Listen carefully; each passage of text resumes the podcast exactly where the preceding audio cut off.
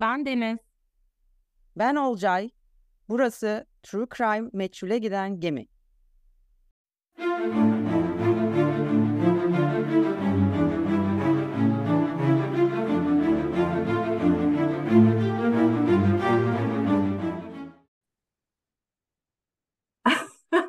Arkadaşlar merhaba ben şu an konsantre olmaktan güçlük çekiyorum.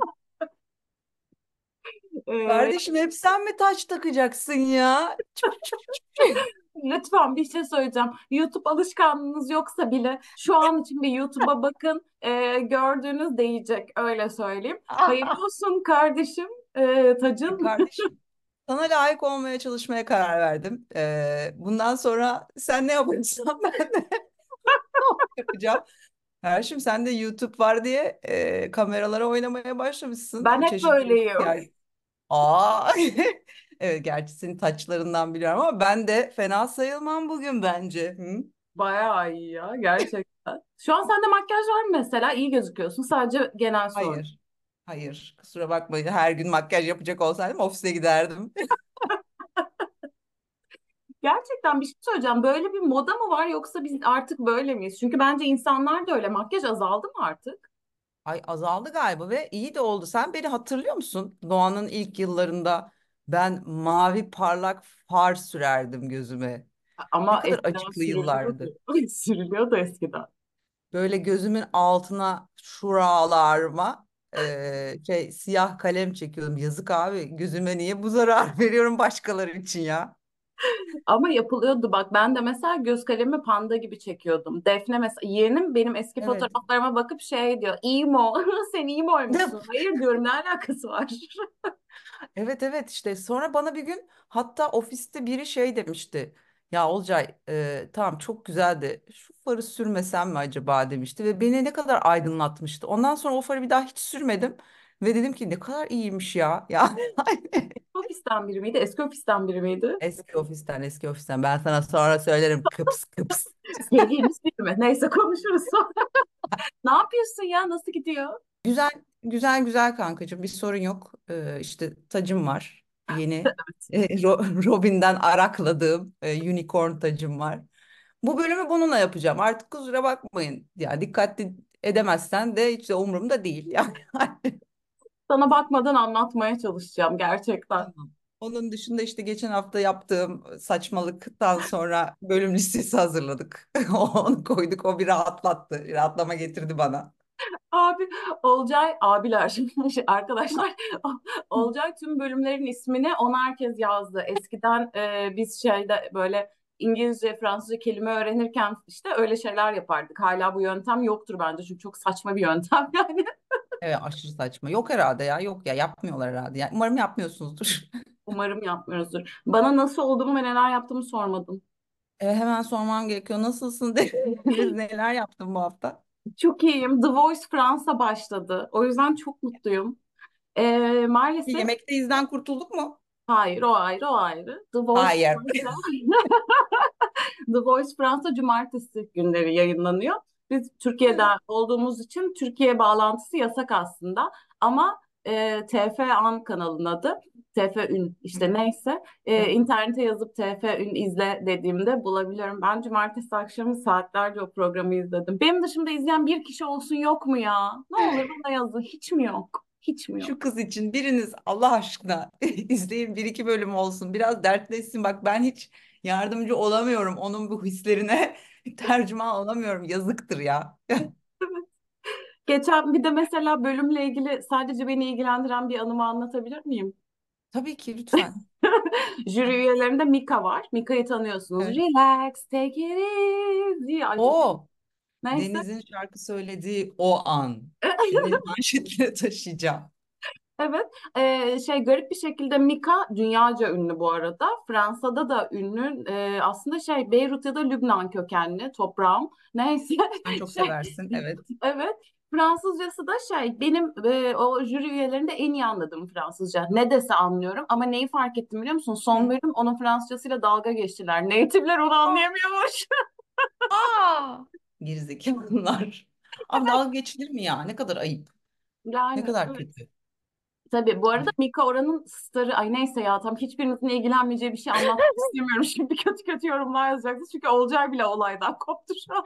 Ya yok bende hiç yok onlar ya. Bilmiyorum onları yani. Neyse. E sevgililer günü programın nedir? Bir ol, kıps kıps neler yapacaksın bu güzel hanıma? Aman işte mecburen yemeğe gideceğiz falan böyle. Eve yakın bir yer olsun istedim. Öyle yemek yiyeceğiz, döneceğiz. Bu konuyla ilgili bir yorumda bulunmak ister misin? Neyi söyleyebiliyoruz, neyi söyleyemiyoruz? Sen yani? Ben de Robin'le tacımı takacağım ve evde çılgın partiler yapacağız. İstersen bize gel. Güzel bir şey aslında. Taç partisi her zaman sevgililer günü yemeğinden daha eğlencelidir. Taç partisi ama taç olayına girmem beni çok mutlu etti. Artık hepimiz taç kız kardeşi olabiliriz. Karşım yaklaşık 15 tane unicorn tacı var evde. Her bölüm sana, senin için ayrı bir tanesini takacağım. Tamam mı? Hiç üzülme. Bunu lütfen yap. Peki 14 Şubat demişken bizim 14 Şubat özel bölümümüzün olmamasını beklemezsiniz değil mi? Tabii ki beklemezsiniz. Aa, bu arada hazır özel bölüm dedin. 150. bölüm geliyor.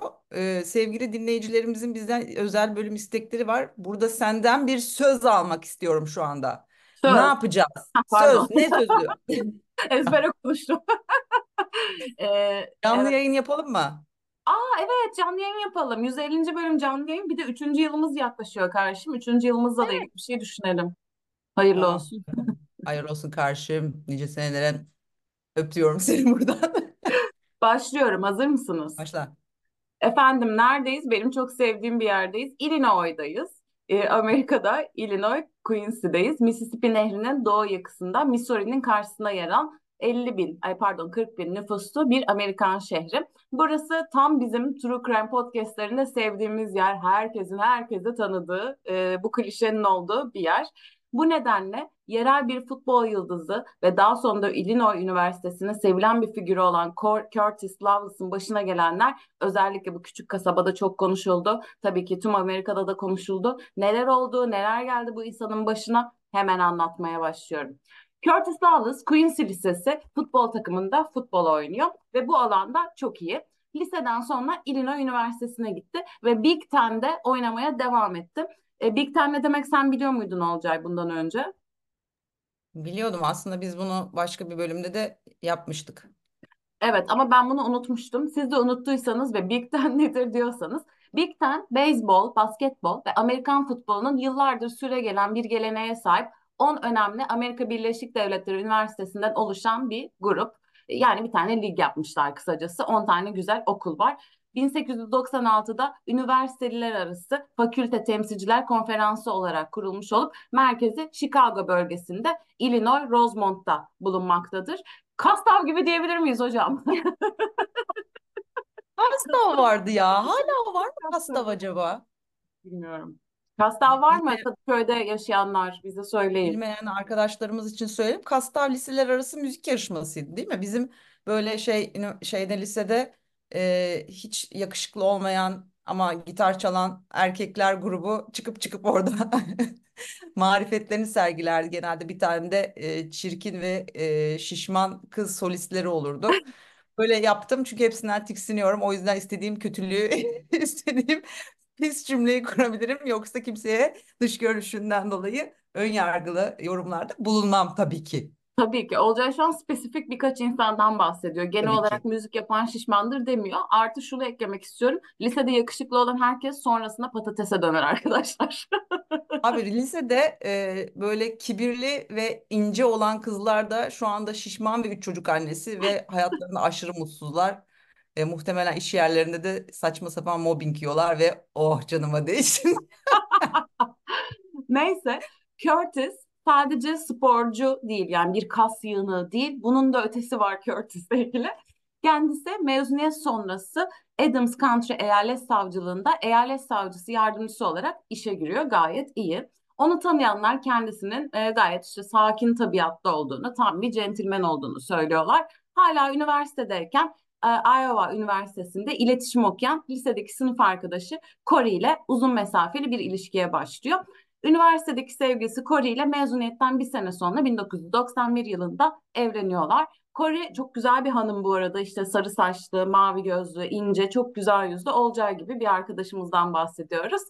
Corey e, arkadaşları ve ailesinin anlattığına göre girdiği her odayı aydınlatan, eğlenceyi seven bir kadın olarak tanımlanıyor. Aynı Olcay gibi. Evet. Yani aslında Olcay'dan farklı olarak Curry ile Curtis, Corey ile Curtis'in ilişkisi tam bir Amerikan klişesi. İşte yıldız futbolcunun amigo kızla çıkması gibi bir şey. Olcay amigo kız olmadığı için buradan maalesef eleniyor. Çünkü Corey tabii ki lisede amigo kızmış. Bu arada. Corey ne yapıyor? Bir kariyeri olacak mı? İşte e, Corey'nin her şeyi aileyle ilgili. Büyük bir aile, işte mutlu bir aile istiyor olabilir. Herkes onların her şeye sahip olduğunu düşünüyor. Zamanla kocaman bir aile oluyorlar gerçekten. Birlikte dört tane çocukları oluyor. 1993 yılında ilk çocukları olan kızları Lindsay doğuyor. Daha sonra üç tane erkek çocukları oluyor. Logan, Lincoln ve Larson. Aile memleketleri olan Quincy, Illinois'a yerleşiyorlar. Üniversite için dışarıdalardı. Sonra geri dönüyorlar. Bir şeye dikkat ettin mi? Ee, şimdi şeylerin ismi Corey ve Curtis biliyorum. Loveless. Evet. Ve çocuklar Lindsay, Logan, Lincoln, Larson, Loveless. Aa, ya hmm, çok tatlı bir aile ya. Ay. Bak sen Robin'e isim koyarken düşündün mü böyle şeyler? Hayır tabii ki çünkü bu kadar romantik bir evlilik hayatım yoktu. Hmm. Ama sonuçta ölmedim de. Evet sonuçta ya spoiler oldu. Neyse biri Ya ölecek abi biri ölecek yani sonuçta. Ya burada true crime anlatıyoruz. Kimse balayına çıkmayacak bölümün sonunda. Evet. Ee, bu ailenin bir işte e, prototipini anladınız. İşte adam işine odaklanmış bu arada. Adam yıllarca profesyonel hayatına odaklanmış. Kadın da Corey çocuklarıyla beraber daha çok zaman geçiriyor ve birlikte geçirdikleri zamanlar artık ayrılmaya başlıyor. Bu da özel hayatlarına zarar veriyor. Tahmin edersiniz ki dört çocuğu olduğu için Corey çalışmıyor. Evde çocuklarıyla ilgileniyor ve babanın da eve para getirmesi lazım değil mi? Dört çocuk yaparken böyle şeyleri düşünmek lazım. Neyse komşularına göre çiftin ilişkisi işte bu centilmen ve çok tatlı çok güzel olan kızın ilişkisi birazcık e, zede almaya başlıyor. Komşularına göre yüksek sesli ve çekişmeli tartışmalar duyuyorlarmış. Birçok kişiye göre ikisi çok fazla içki içermiş hatta alkolik oldukları söyleniyor ama yani e, ne bileyim çoğu kişi için bu söylenebilir. Bunun bir kredibilitesi yok. Komşu bunun için alkolik demiş. O yüzden bunu geçiyorum. 2006 yılına geliyoruz. Sevgililer günündeyiz. Ailenin Kentucky bulvarındaki evinde salı sabahları diğer sabahlar gibi hafta içi her sabah olduğu gibi aynı şekilde başlamış. Corey güne dört çocuğunu okula hazırlayarak başlıyor. Genellikle çocukları okula götüren ebeveyn o. Ancak çocukları e, o güne hazırlarken sevgililer günü kartlarını hazırladıklarından ve giyecek temiz kıyafetleri olduğundan emin olduktan sonra Corey merdivenlerin dibinde dinlenmek için oturuyor. Sevgililer günü kartı hazırlıyor çocuklarda. Amerika'da falan e, daha farklı bir kültür biliyorsunuz ki. Türkiye'de öyle bir şey var mı? Robin sevgililer günü kartı hazırlıyor Şey mu? yapıyorlar ya sevgi günü diye bir şey yapıyorlar. Anaokulunda öyleydi işte sevgi günü için özel bir şeyler hazırlanıyordu. Ee, yani tamamen göz boyama ve aile aldatmacı olduğunu düşündüğüm bir yeni gün daha. Olcay'dan yine muhteşem pozitif yorumlar gelmeye devam ediyor. yok yine yine övüyor mu seviyor mu belli ol- olmadığı bir an. Evet, Corey tüm bu e, işleri hallediyor. O sıralar 38 yaşında bu arada. Hafta sonu kendisini çok iyi hissetmemiş, biraz hasta hissetmiş ve çocuklar babaların annelerinin merdivenlerden çıkıp yatağa dönmesine yardım etmesini izliyorlar. Curtis dört çocuğunu okula bırakıyor annesi yorgun olduğu için. E, sonra eve dönüyor, işe gidecek. Saat sabah 9 gibi eve dönüyor ve karısını yatakta ölü buluyor. Hemen 911'i arıyor ve Quincy Polis Departmanı'ndan dedektif Jeff Byard soruşturma için olay yerine sevk ediliyor. Dedektif Corey'i yüzüstü yatarken ve yorganı beline kadar çevrilmiş halde, e, çekilmiş halde buluyor. Herhangi bir rahatsızlık belirtisi yok. Yani herhangi bir yaralanma gözükmüyor ya da çok ilginç bir şey gözükmüyor ilk aşamada uzaktan bakıldığında. Elleri alışılmadık bir pozisyonda, göğsünün üstünde sıkılmış bir şekilde. Dedektif hem sol hem de sağ kollarında hafif bir sertlik olduğunu belirtiyor. Buna rigor mortis de deniliyormuş. Rigor mortis veya e, Türkçe'de ölüm sertliği kaslarda biyokimyasal bir değişiklikten kaynaklanan ve ölünün uzuvlarını katılaştıran bir ölüm belirtisi. Bu, burada bilmemiz gereken şey şu, oda sıcaklığında bir insanda bu olgu, bu e, ölüm e, sertliği ölümden 3-4 saat sonra görülmeye başlıyor. 12 saat sonra doruk noktasına ulaşıyor. 36 saat sonra da ortada kalkıyor. Ama bu vakada dedektif cesedi adeta bedeni hissettiğini söylüyor. Yani beden soğuk değil, sıcak. Ve raporunda şunu söylüyor. Ceset hem ön kol hem de karın bölgesine dokunulduğunda sıcaktır. Bu şekilde raporuna ekliyor. Bu durum ne anlama geliyormuş? Ölümün oldukça ani geliştiği iddiasını destekliyor.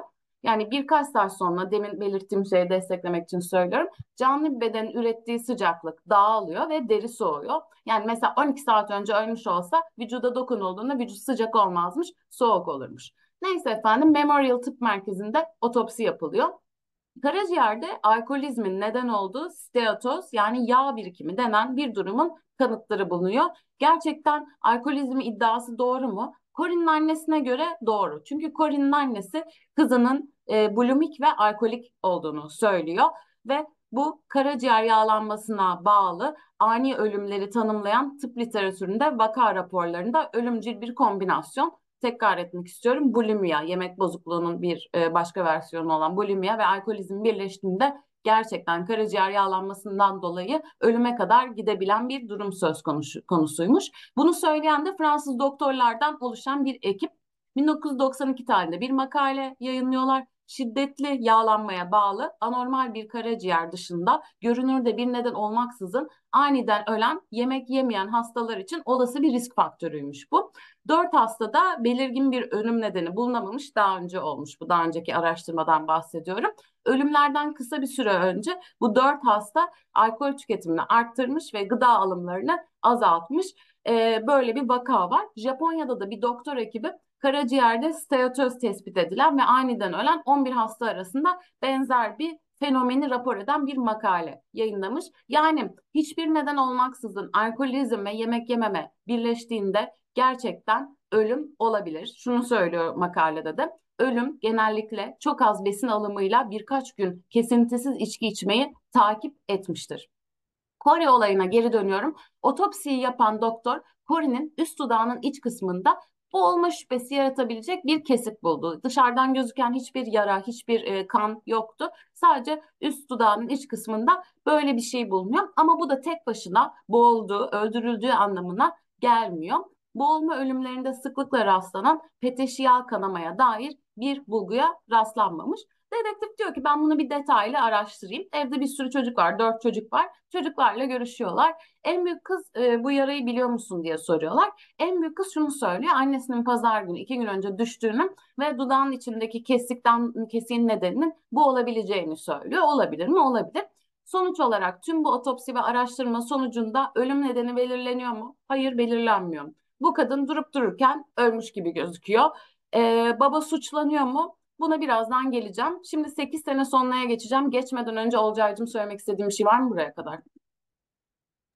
Ee, yok hayır yani ilginç bir vaka olarak şimdilik e, değerlendiriyoruz. Bakalım yani il- ilginç ama şeyle ilgili anlattıkları yani bulimia ve alkolizmin birlikte yani ani bir ölüme sebep olabileceği e, gerçeği bayağı ilginç bir şey. Yani orada çok çok dikkat edilmesi gereken bir durum var. Zaten bulimia kendi içinde çok korkunç bir hastalık. Yani işte hani çok detayını yani biliyorsunuzdur artık hani çok çok fazla işlendi çok birçok yerde ama bulimia e, işte e, insanların yemek yedikten sonra onları e, kusarak dışarı çıkarmaları ve böylece hani şey e, aslında kilo kontrolünü sağlama kilo kontrolü sağlamaya çalışıyor bu insanlar bu şekilde yaparak ama korkunç tehlikeli bir durum ve kronikleşiyor. Yani e, ben kendi çocukluğumdan hani ufak bir örnek vereyim. Ben zor bir e, ergenlik dönemi geçirdim o anlamda E, önce anoreksiya benzeri bir durum yaşadım. Yani hiçbir şey yemiyordum ve sonra da hatta bulimia öncesi bir durum yani ben kendimi kusturuyordum E, işte böyle yaklaşık ortaokulun sonlarındaydı. Çünkü bu konuda çok fazla e, şey ne denir ona? E, şey zorbalık ha, evet e, zorbalığa maruz kaldım e, bütün ortaokul hayatım boyunca. Ve bu yavaş yavaş benim tüm B12, demir vesaire değerlerimin sıfırlanmasına neden oldu ve durup durup ortalarda bir yerlerde bayılıyordum. Ya bunlar aslında çok çok tehlikeli şeyler. Özellikle gelişmekte olan e, genç bedeni için çok zararlı şeyler ve şu anda da ya birçok o döneme dair pek çok veriyi hatırlamıyorum. E, o yüzden özellikle bu yaş aralığında çocuğu olanların ya da bu yaş aralığında yani bizi dinleyenler varsa yani bu bu yapabileceğiniz kendinize yapabileceğiniz en en en kötü şeylerden biri. Bir tane bedenimiz var ve ona mümkün olduğunca iyi bakmamız gerekiyor. Ve bunu yapacak kişi de başkaları değil, biz kendimiziz. Ee, yani hani bunu e, şeyde tutarak e, devam edersek hayatımıza diye bunu anlatmak istedim. Kendimden bir örnek vererek anlatmak istedim. Doğrudan yaşadığım bir şey. Hala da bunun e, ne diyeyim sonuçlarına katlanmak zorunda kalıyorum. Bu da benden bir anı olsun. Bunu söylemek de çok zor bir şey bu arada. Gerçekten anlattığın için teşekkür ederim. Yani benzer durumlarda bunları konuşamayan bile insanlar çok evet, fazla. Evet ya bu arada hani şey e, konuşmak isteyen ya bunlar çok zor şeyler ya özellikle e, kadınların yaşadığı çok daha farklı e, senaryolar oluyor. Kendimizi birilerine beğendirmek ya da işte ilgi çekmek adına yaptığımız çok saçma hareketler oluyor. Özellikle ergenlik döneminde ve özellikle de aile bireyleriyle konuşamayan ve paylaşamayan e, çocuklarda gözlemleniyor bunlar sorunlarını. Dolayısıyla hani bu yaş aralığında e, herhangi bir tanıdığı ya da işte kendisi olan insan ve hatta konuşmak isteyen bu, bu, bu yaşlar çok önemli, çok kritik yaşlar. Konuşmak isteyen olursa, dertleşmek isteyen olursa biz her zaman buradayız. E, ve her zaman da kapımız açık. Evet, sert oldu. E, olayımıza evet. geri dönüyorum. Kadın öldükten 8 sene sonrasına gidiyorum. Curtis bu sırada tekrar evleniyor. Daha doğrusu iki kez e, evleniyor. İki kez daha evleniyor. Lisede mezuniyet balosuna çıktığı kız arkadaşıyla Facebook aracılığıyla yeniden bir araya geliyor. Ve şimdiki eşi olan yani üçüncü eşi Kristin yaşadığı Minneapolis'teki işini bırakıp bunun memleketine Quincy'ye yeniden taşınıyor. Bir tur taht dükkanı açıyor ve mutlu bir evlilik yaşıyorlar. Düğünleri 2013 Noel'inden bir gün sonra yapıyor. Ee, bir kere evlenmiş erkekler asla bekar kalamayışı hakkında çok kısa konuşabilir miyiz? Ama bir şey söyleyeceğim. Belki dört çocuğu vardır diye de olabilir. Yani biri şunlara annelik yapsın diye. Kıyamam bir sosyal çevresi de yok gitmiş lisedeki şeyle evlenmiş tanıdığı. Ya evet o, o bence daha şey ya yine liseden birini bir Facebook'tan buluyor falan ah dedem ya. Neyse e, olayımıza geri dönüyorum çok şey yapmayacağım. Bu sırada işte her şey onun için iyi gidiyor aslında. İkinci evliliği kötüydü ondan biraz bahsedeceğim ama üçüncü evliliğinde her şey yolunda gibi. O Aralık ayında Adam Gibson devriye memurluğundan dedektifliğe terfi ediyor. Bu kenarda dursun. Ve Curtis ile Kristen evlendikten bir hafta sonra dedektif Gibson bu cinayeti bir soruşturmaya başlıyor. Artık şey e, dedektif oldu ve yıllardır aklında bir soru işareti bu. Diyor ki ben bunu çözeceğim diyor. Bu soruşturmaya 3 Ocak 2014'te başlıyor. Ve görüştüğü ilk tanıklardan biri demin bilgi vermediğim Curtis'in ikinci evliliğindeki eşi. E, bu evlilik çok şiddetli bir kavgayla sona ermiş. Bu kadın tam olarak bir e, kusura bakmayın ama manyak. Şöyle bir şey yapmış. İşte tartışıyorlar işte belli nedenlerden dolayı ayrılıyorlar. Curtis sonra Facebook'taki bu pastacı kadınla evlendiğinde arkadaşları bu ikinci eşinin arkadaşları Kristin'in pastanesine e, fare koyuyorlar. Ama bu tabii ki ortaya çıkıyor. İkinci eşin bir evcil hayvan dükkanında fare satın aldığı bir videoda gözüküyor. Neyse efendim dedektif Gibson bu kişiyle de konuşup cinayet soruşturmasına başlıyor. Şunu iddia ediyor. Curtis'in Corey'i zehirlediğini ya da boğduğunu bu yüzden öldüğünü söylüyor ve 8 ay boyunca e, bunu soruşturuyor. Ama erkeklerin erkekler neden genelde eşlerini öldürür? İşte para için, sigorta poliçesi için. Böyle bir şey var mı? Yok. O sırada başka biriyle bir ilişkisi var mı? Metresi ya da işte aldattığı biri var mı? Yok hiçbir şey ortaya çıkmıyor. Yani kavga ediyorlar evet ama yani böyle şey de yok yani hep böyle tartıştıkları bir konu falan ortaya çıkmıyor. Varsa da bilinmiyor. Yani sonuçta ortada hiçbir kanıt yok. Ama aslında Dedektif Gibson'ın danıştığı ilk üç tıp uzmanı ona onun teorisiyle ilgili sorunlar olduğunu söylüyor. Teorisi neydi? Karısını zehirlediği ya da boğduğu. E, Dedektif Gibson 6 Ocak 2014 tarihinde Adams Country adli tabibiyle görüşüyor ve Jessica Bowman tarafından yapılan otopsiyi incelemek üzerine bir adli patoloğa danışıyor. Doktorla görüştükten sonra dedektif Gibson otopsi incelendikten sonra raporumu tamamlayacağım diye not yazıyor. Dedektif Gibson bir ay sonra 7 Şubat 2014 tarihinde başka bir doktorla görüşüyor ve bundan sonra e, otopsi incelemesini belgeleyen bir rapor talep etmiyor ya da bu görüşmeleri şey yapmıyor, raporuna eklemiyor. Muhtemelen hiçbir şey bulamıyor. E, bu bulguları ben raporuma almayacağım diyor. Sonra başka biriyle görüşüyor ve başka biriyle işte Doktor Denton'la görüştükten sonra Denton dedektife davasında sorunlar olduğunu söylüyor. Yani karısını boğduğunu düşünüyorsun ama ortada bir kanıt yok diyor. Mesela nasıl bir kanıt olabilir boğulma ölümünde? Parayı boğmak için bir yastık kullandığı ile ilgili bir teorisi var ya. Bununla ilgili ilk sorun yastıkta kan yok. Eğer iç dudağın altındaki kesik e, kızının dediği gibi değilse, iki gün önceki yaralanmadan dolayı değilse, yüzüne yastık bastırıldığı için e, oluşmuş olsaydı doktora göre yastığa bulaşacak aktif bir kanama olması beklenirdi.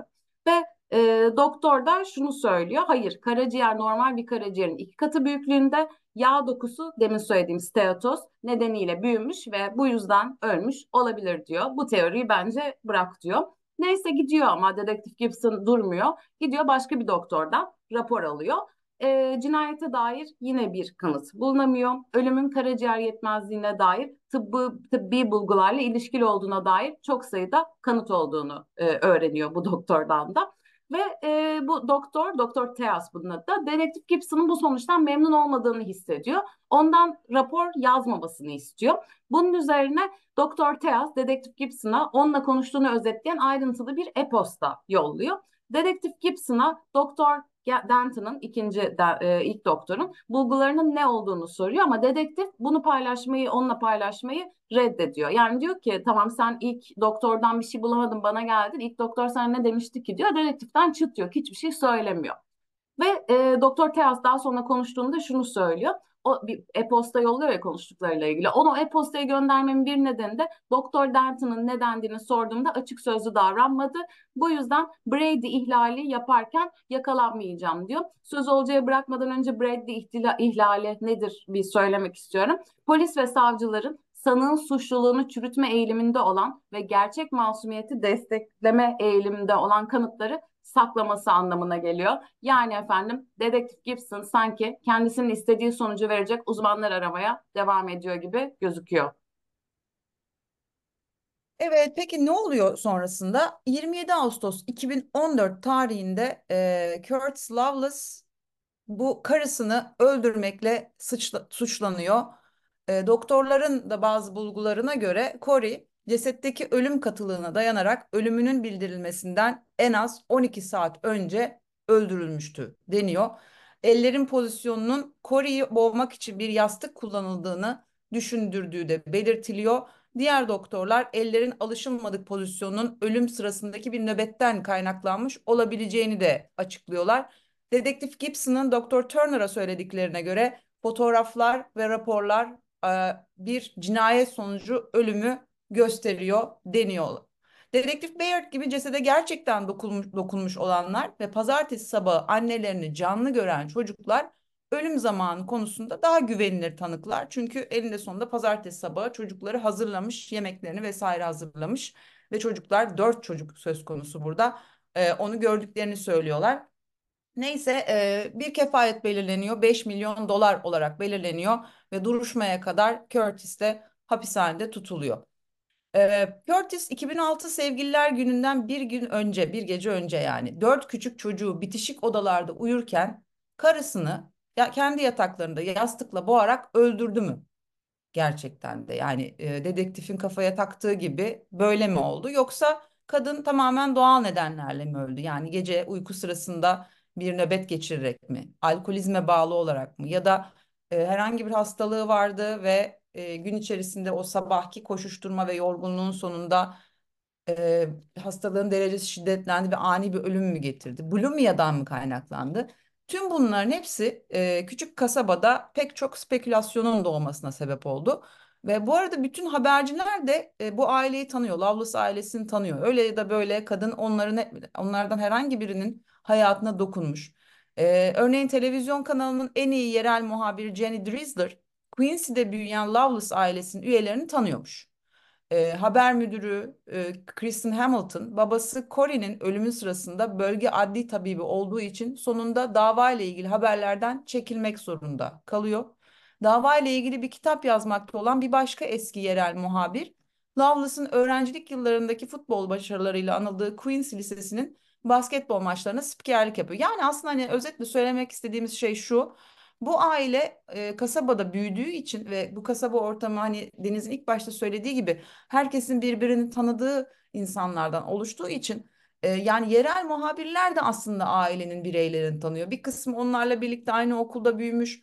Bir kısmının işte e, ya hep bir yerlerde şey denk gelmişler, merhabalaşmışlar. Herkes birbirini tanıyor. Dolayısıyla da e, bazıları dahil olmak istiyor, bazıları da dahil olmak istemiyorlar haberlere. Ee, Şubat 2016'da Quincy'deki Adams County Adliyesi'nde görülen ilk duruşma jüri üyelerinin davadaki temel ikilem konusunda anlaşamamaları nedeniyle sonuçsuz kalıyor. Savcılığın teorisi, teorisine göre Curtis bir gece önce karısını yastıkla boğmuş. Ertesi sabah cesedi ölüm katılığından kas katı kesilmiş Curtis'in.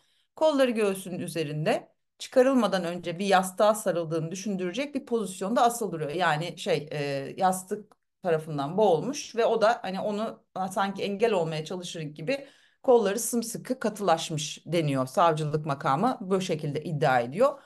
Ee, ama eğer savcılık makamının iddia ettiği gibi gece e, kadın öldürüldüyse ve tüm gece boyunca aslında ölüyse o zaman neden ailenin çocukları e, polise gidip şey diyorlar biz pazartesi sabahı annemizi gördük canlı gördük diye ifade veriyorlar. Bu bir büyük bir soru işareti. Çünkü tek çocuk değil bu. Tek çocuğu belki kandırmak daha kolay olabilir ama dört çocuk birden aynı beyanda bulunuyorlar. Savcılığın iddia ettiği gibi bir gece önce öldürülmüşse e, yani nasıl olabilir ki bu e, nasıl canlı görmüş olabilirler e, annelerini ve ilk duruşmada jüri zaten artık ikiye bölünmüş durumda ve kafaları karışmış durumda.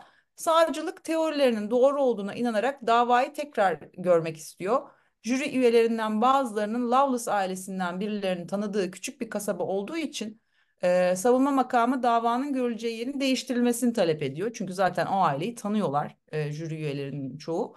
Bu kez davanın aileyle herhangi bir bağlantısı olmayan ya da dava hakkında bilgi sahibi olmayan bir jüri tarafından görülmesi isteniyor ve dava e, Springfield'a, eyaletin başkenti Springfield'a taşınıyor. Burada e, görülüyor dava yeni bir jüri heyetinin karşısında. İki saatten fazla bir süre e, karar almaya çalışıyor jüri heyeti ve sonucunda diyorlar ki adam suçsuz. Bu kez e, şöyle oluyor. Loveless'ın cinayet Loveless'ı yani e, Curtis Loveless'ı cinayetten mahkum etmek için yeterli bir kanıt olmadığı sonucuna varıyor jüri heyeti. İsimlerinin kullanılmasını istemeyen 3 jüri üyesi e, 48 Hours'a konuşuyorlar ve jüri üyelerinden biri bence bir şeyler oldu ama savcılık bunu makul bir şüphenin ötesinde kanıtlayamadı diyor. Bir başka jüri üyesine göre ise Corey'nin savunma adli tıp uzmanlarının ifade ettiği gibi doğal nedenlerle öldüğüne inanıp inanmadığı sorulduğunda e, ben o kadar ileri gitmezdim diyor. Yani aslında şey ortada bir ya bir şeyler yaşandı galiba diye inanıyor jüri heyeti de. Bu yeni jüri heyette. E, fakat yani e, savcılık bunu kanıtlayamıyor. Yani ba bana bir kanıt gösteremediği için ben de adamın aleyhinde bir karar veremiyorum diye özetleyebiliriz aslında jüri heyetinin kararını. Bazı jüri üyeleri davanın her iki tarafın da sunduğu kadar açık olmadığını düşündüler. Jüri üyelerinden biri hem Corey'nin hem de Curtis'in alkolik olduğunu belirtiyor ve olayın alkole bağlı bir kaza da olabileceğini söylüyor. 38 yaşında bir kadının sabah kalkıp yarım saat sonra öleceğine inanmıyorum diye de ekliyorlar. İlk duruşmada sunulmayan ikinci duruşmanın dramatik olaylarından biri de Curtis'in ikinci karısı. Şu anda üçüncü karısıyla mutlu bir evliliği var Deniz'in söylediği gibi. E, bu pastaneye fare koyan tuhaf kadından bahsediyoruz. Erika Gomez tanık kürsüsüne çıkıyor. E, Curtis'in ikinci karısı. Gomez diyor ki evlilikleri sırasında e, Curtis kendisini zehirlemeye çalışmış, cinsel istismarda bulunmuş ve zaman zaman da şiddet uygulamış ama ben pastaneye fare koyup insanları zehirlemeye çalışıp pastane kapattırmaya çalışan bir kadının ifadesinden açıkçası etkilenmiyorum. Sen etkileniyor musun? Hayır kesinlikle etkilenmiyorum. Ya belli ki Yani bu şey yani kıskanıyor adamı. O yüzden böyle şeyler söylemiş. Bakın hep de kadınların yanında değiliz. Adalet diye bir şey var yani. bir cümle kadar ama. Ay, bu kadarcık. E, kürsüde, kürsüde Erika Gomez'in duygusal olduğu gözlemleniyor. Ancak jüri üyeleri söylediklerinin çoğuna inanmış görünmüyor. Neyse ki jüri heyeti de bizler kadar aklı selim, adaletten yana insanlar efendim. Neden ikinci eş ve onun ifadesi mahkemeye getirildi diye sorguluyor bir jüri üyesi. Söylediği her şey bir kasırgaya dönüştü. İfadesi mahkeme salonunda fırtına gibi esti ve herkesi şaşkınlık içinde bıraktı diye de ekliyor bir başka jüri üyesi. Sonunda jüri üyelerinin zihninde dava basit bir gerçeğe indirgendi. Savcılık davasını hukuk sisteminin gerektirdiği standartta makul bir şüphenin ötesinde kanıtlayamadı bir jüri üyesinin müzakere sırasında e, jüri odasındaki dinamikleri anlatırken söylediği gibi tüm endişelerimizi ortaya koyduk ve hep birlikte yetişkinler gibi konuştuk. Herhangi bir tartışma olmadı. Hiçbir şekilde harare, olay hara- hararetlenmedi. Ama elimizdekilerle en iyi olduğunu düşündüğümüz şeyi yaptık ve bu da hiçbir şey değildi. Gerçekten de olayın özeti bu. Ellerinde hiçbir şey yok. Bir tane ölü beden var. Kendisini gördüğü iddia edilen çocuklar var e, ve yani birilerine sanki ya bir suçlu aranıyormuş gibi bir e, durum var ortada. Dolayısıyla evet jüri heyetinin söylediği doğru ellerinde hiçbir şey yok. Curtis Loveless ve şimdiki eşi Kristin hala herkesin ismi C ile başlıyor. E, ise rahatladıklarını ve sisteme ve savunma ekibine teşekkür ettiklerini ifade ediyorlar. Her ikisinin de büyüdüğü ve lisede tanıştığı Quincy'ye dönme konusunda ikilemleri var artık. Bir röportajda herkesin onları tanıdığı memleketlerine geri dönmekten duydukları endişeyi dile getiriyorlar. Curtis Loveless'ın yerel bir kahramandan yerel bir kat katil zanlısına dönüştüğü Queens son birkaç yıldır gördükleri muameleden korktuklarını ifade ediyorlar. Yerel bir markete gittiğinizde insanların sizi işaret edip ellerinin arkasından konuşmalarının ya da sözümüzü kesip bakın bakın işte Loveless ailesi ya da işte katilin ailesi demelerinin nasıl bir şey olduğunu size anlatamam diye e, açıklıyorlar. Hayatlarımız asla eskisi gibi olmayacak ve nasıl bir gelecek kuracağımızı bulmak zorundayız. E, Curtis, Curtis için kendim için nasıl bir kariyer planlayacağımızı bulmalıyız diye ekliyor e, üçüncü ve yeni eş Kristin. E, Curtis artık özgür biri. Cinayet suçlamalarından aklandı. Hukuk mücadelesinde geride bırakmış durumda. Ama yine de tabii ki şunu söylüyor. Bu durum, bu yaşadıklarım beni rahatsız ediyor. Katil olarak adlandırılmak ve alenen böyle korkunç bir eylemle suçlanmak beni son derece rahatsız ediyor diye özetliyor kendi durumunu. Curtis 2017'deki ikinci duruşmasında tamamen suçsuz bulunuyor. Bunun üzerine Adams County ve Quincy Polis Departmanı çalışanlarına dava açarak haksız yere suçlandığını söylüyor. Bu davada onun lehine sonuçlanıyor. Ee, yani durum bu. Quincy şehri 4,5 milyon dolarlık anlaşmanın 3,7 milyon dolarlık kısmını ödeyecek. Adams County ise diğer 800 bin doları ödeyecek. Loveless ailesini temsil eden avukat yaptığı açıklamada anlaşma Kurt'un hapiste yargılanmayı bekleyerek geçirdiği yaklaşık 3 yılın her biri için yılda 1,5 milyon dolara tekabül ediyor. Hiçbir para Kurt Loveless ve ailesinin uğradığı haksızlıkları telafi edemez e, de, diyorlar. Şimdi ne yapıyor peki Curtis e, Loveless? Kızıyla beraber avukatlık yapmaya devam ediyor. Boşanma ve aile hukuku, arabuluculuk gibi işlere bakıyorlar kendi yaptıkları e, web sitelerine göre. E, yani şirketin ismi, hukuk firmasının ismi Loveless and Loveless Attorneys. E, yani şey yapamıyoruz oradan bir çıkamıyoruz bir türlü. Texas merkezli bir hukuk firması. Diyor ki firmamız müvekkillerimize en iyi hukuki temsili sağlama konusunda uzun süredir devam eden bir üne sahiptir. Her davada amacımız müvekkillerimizin hem kısa hem de uzun vadedeki ihtiyaçlarının davayı nihai bir çözüme ulaştırma sürecinde ele alınmasını sağlamaktır. Bana masum geldi biliyor musun? Yani Vallahi bana da öyle geldi ya. Genelde biliyorsunuz erkek savunmuyoruz ama evet bize bazen buna da çok feminaziler biraz ama tatlılar diyorlar. Ben burada adamı suçlu bulmuyorum çünkü suçlu bulmam için hiçbir neden yok. Buluyorsanız yazın, bulmuyorsanız da yazın. Yorumlarda buluşalım yani. Aynen öyle yani ben de bulamadım. Kadın gayet e, alkolizm ve bulimia'nın getirdiği ortak bir şeyden ölmüş gibi. Bilmiyorum. Biz başka bir şey bulamadık. Sevgililer gününüz kutlu olsun. Görüşürüz. Hoşça kalın.